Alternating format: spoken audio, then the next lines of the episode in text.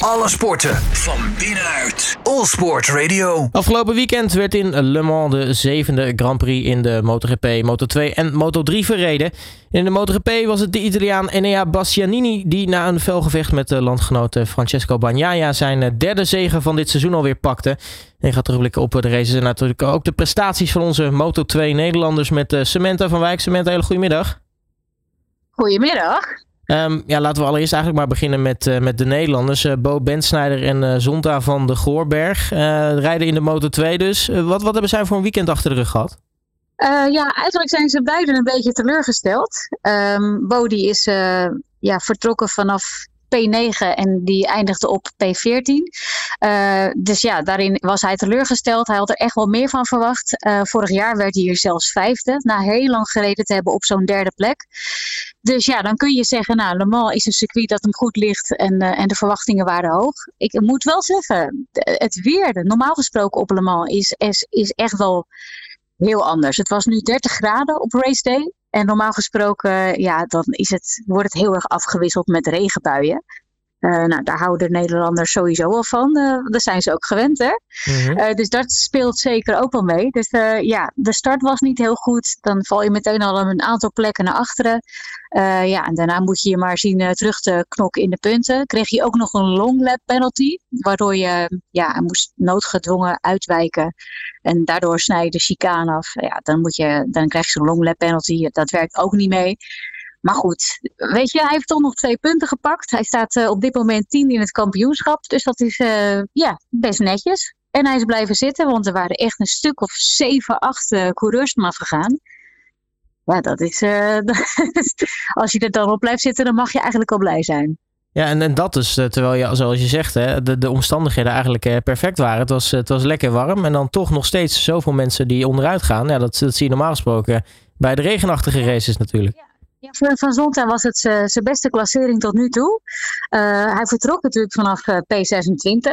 Uh, ja, als je dan eindigt op P17, ja, dan mag je eigenlijk gewoon ontzettend blij zijn. en helemaal als je ziet dat er zoveel coureurs afgingen in Le Mans. Het was ook een compleet nieuw circuit voor hem. Um, maar ja, ze kwamen grip tekort. Ze konden niet echt een goede afstelling vinden. Eigenlijk het hele weekend al niet. Uh, met de rondetijden ze waren, ze, waren ze niet heel tevreden. Um, maar goed, ja, uitrijden was eigenlijk gewoon al knap zat. En ja, misschien achteraf... Uh, ja, ik sprak zijn pa net, Jurgen van der Goorberg, ook oud MotoGP-coureur. En die zei over, ja, misschien achteraf de verkeerde achterband gepakt. Ik weet ook niet hoe de jongens dat vooraan deden. Dus weet je, ze zijn gewoon heel erg aan het kijken. Uh, ja, aan het leren vooral. Uh, ja, om toch uh, progressie te kunnen boeken. En morgen hebben ze testdag op het IT-circuit. Dus dat is ook spannend. Want daar zijn ze zich natuurlijk langzaam voor klaar aan het maken.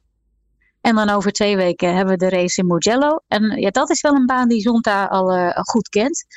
Dus dat zal hem ook wel goed leggen. Ja, de, de MotoGP dan, uh, dat, dat was sowieso een, een, een wedstrijd waar er uh, ontzettend veel strijd was vooraan. Met, met bijna eigenlijk een ontketende Enea Bastianini. Enea Bastianini is, ja, wat hij laat zien, dat jij voor de, voor de, voor de derde keer een overwinning pakt. Uh, hè, we zijn pas bij ronde 7. Ronde 7 hebben we net gehad. Drie keer wint hij de over, pakt hij de overwinning. Hij is 24 jaar. Hij rijdt voor de Gresini Racing op een Ducati. Dus dat is niet het fabrieksteam maar ik verwacht eigenlijk wel dat hij volgend jaar daar wel naartoe gaat. Want hij rijdt zichzelf natuurlijk enorm in de kijker. Uh, ja, Pecco Bagnaia voelde daardoor enorm veel, veel druk. Uh, die was echt in, in gevecht met, uh, met Bastianini. Dus ja, Pecco die was gewoon ja, er onderuit gegaan.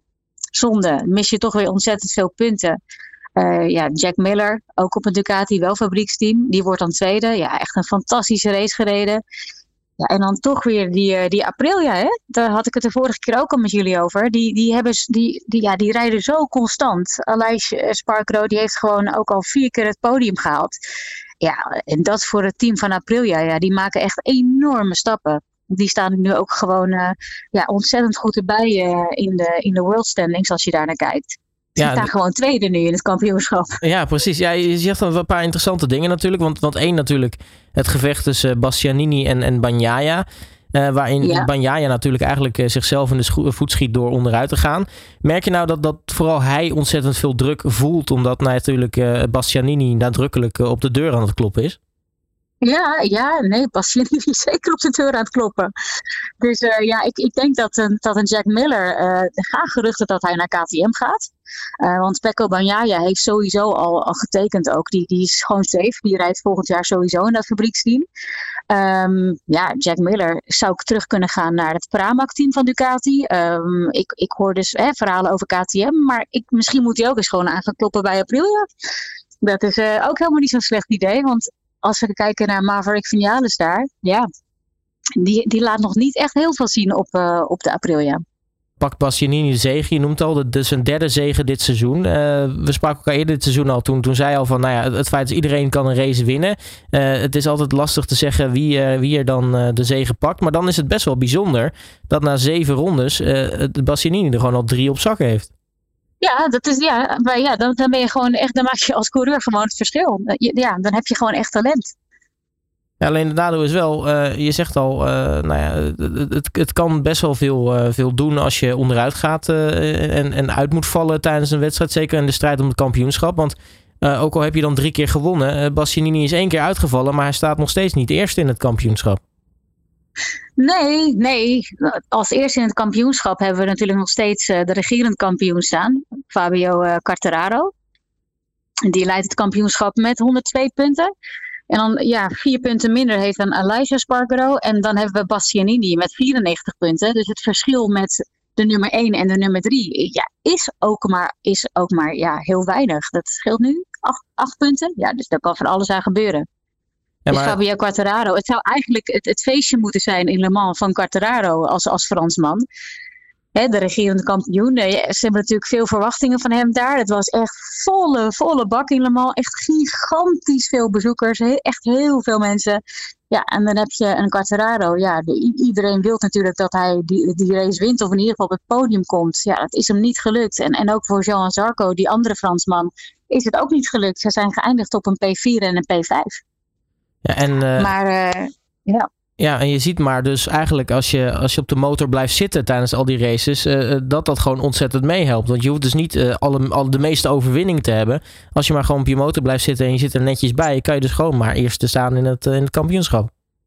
Inderdaad, je moet gewoon zorgen dat je punten blijft pakken en op die fiets blijft, blijft zitten. En op het moment dat jij echt te veel risico gaat pakken, zoals een Pecco Bagnaia gisteren deed, dat je denkt, ja, als je dat niet had gedaan, dan was je misschien gewoon tweede geworden. En had je wel weer lekker veel punten in je pocket. En, en daar gaat het uiteindelijk om. Hoeveel punten heb je onderaan de streep? Ja, het was uh, to totaal niet het weekend natuurlijk van, uh, van Suzuki. Want uh, nou, die stonden natuurlijk vooraf aan de race bovenaan in de, in de teamstanding. team Suzuki X-Star. Maar ja, beide rijders onderuit. betekent dat ze die koppositie inmiddels hebben ingeleverd. Ja, nee, allebei gingen ze onderuit. Zowel uh, Alex Rint als uh, Johan Meer inderdaad. Ja, ik, ik denk eerlijk gezegd dat het ook alles te maken heeft met de druk die er nu op Suzuki staat. Ze hebben natuurlijk afgelopen maandag te horen gekregen dat ze na dit seizoen niet meer meerijden in de MotoGP. Het was echt compleet nieuws voor, voor, voor de hele paddock, voor het hele team Suzuki, ook voor de coureurs. Dat je denkt, wow, 2020 word je nog kampioen met Johan Meer. Dus dan is, ja, ze hebben zichzelf echt wel neergezet als team. En, en zo krijg je te horen van ja, we stoppen ermee en uh, we verlaten de MotoGP. En dat heeft natuurlijk alles te maken met uh, de, de huidige economische situatie, de ontwikkelingen in de auto, automotive sector, en waardoor die budgetten moeten worden herzien. Maar ze hadden vorig jaar al bijgetekend voor vijf jaar. Dus ze zouden eigenlijk tot 2026 safe zitten. Nou, zo zie je maar weer. Alles draait uiteindelijk toch weer om, ja, om de centen. Dan kan het ineens eh, heel erg hard gaan. Uh, nu zei je al, Mugello uh, komt er nu aan. Wat, wat kunnen we daarvan gaan verwachten?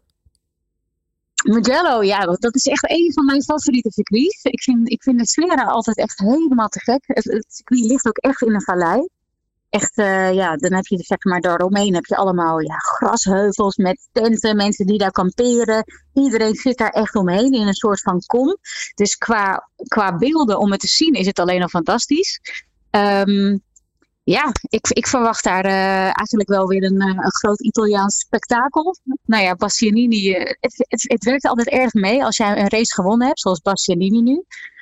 dan, dan helpt het je vaak mee in, in de race daarna. Dan heb je zoveel zelfvertrouwen dat je denkt, ja, dan, neem je mee naar, naar de volgende. Dus ik verwacht van Bastianini eigenlijk ook alweer veel in Mugello. Ehm, dus ja, we gaan het in de gaten houden wat er allemaal gaat gebeuren. Maar hopelijk uh, komen er ook gewoon weer uh, grote verrassingen bij kijken. Nou, laten we het hopen. Dat maakt het uh, natuurlijk allemaal weer een, een stuk leuker. Samantha van Wijk, mag ik je hartelijk danken voor je tijd. En natuurlijk veel plezier ook weer richting Mugello natuurlijk. Dankjewel. Ik ga er, weer, ik ga, er, ga er weer lekker voor zitten en ik kijk ernaar uit. Alle sporten van binnenuit. All Sport Radio.